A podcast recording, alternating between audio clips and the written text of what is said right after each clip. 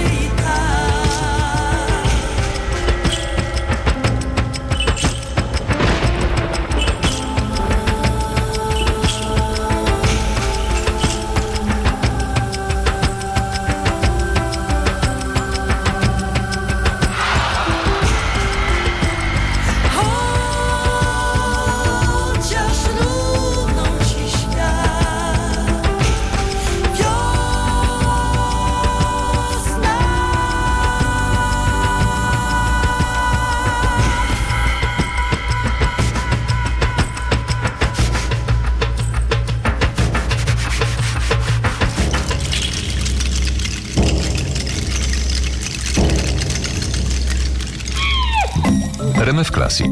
Najpiękniejsza muzyka filmowa.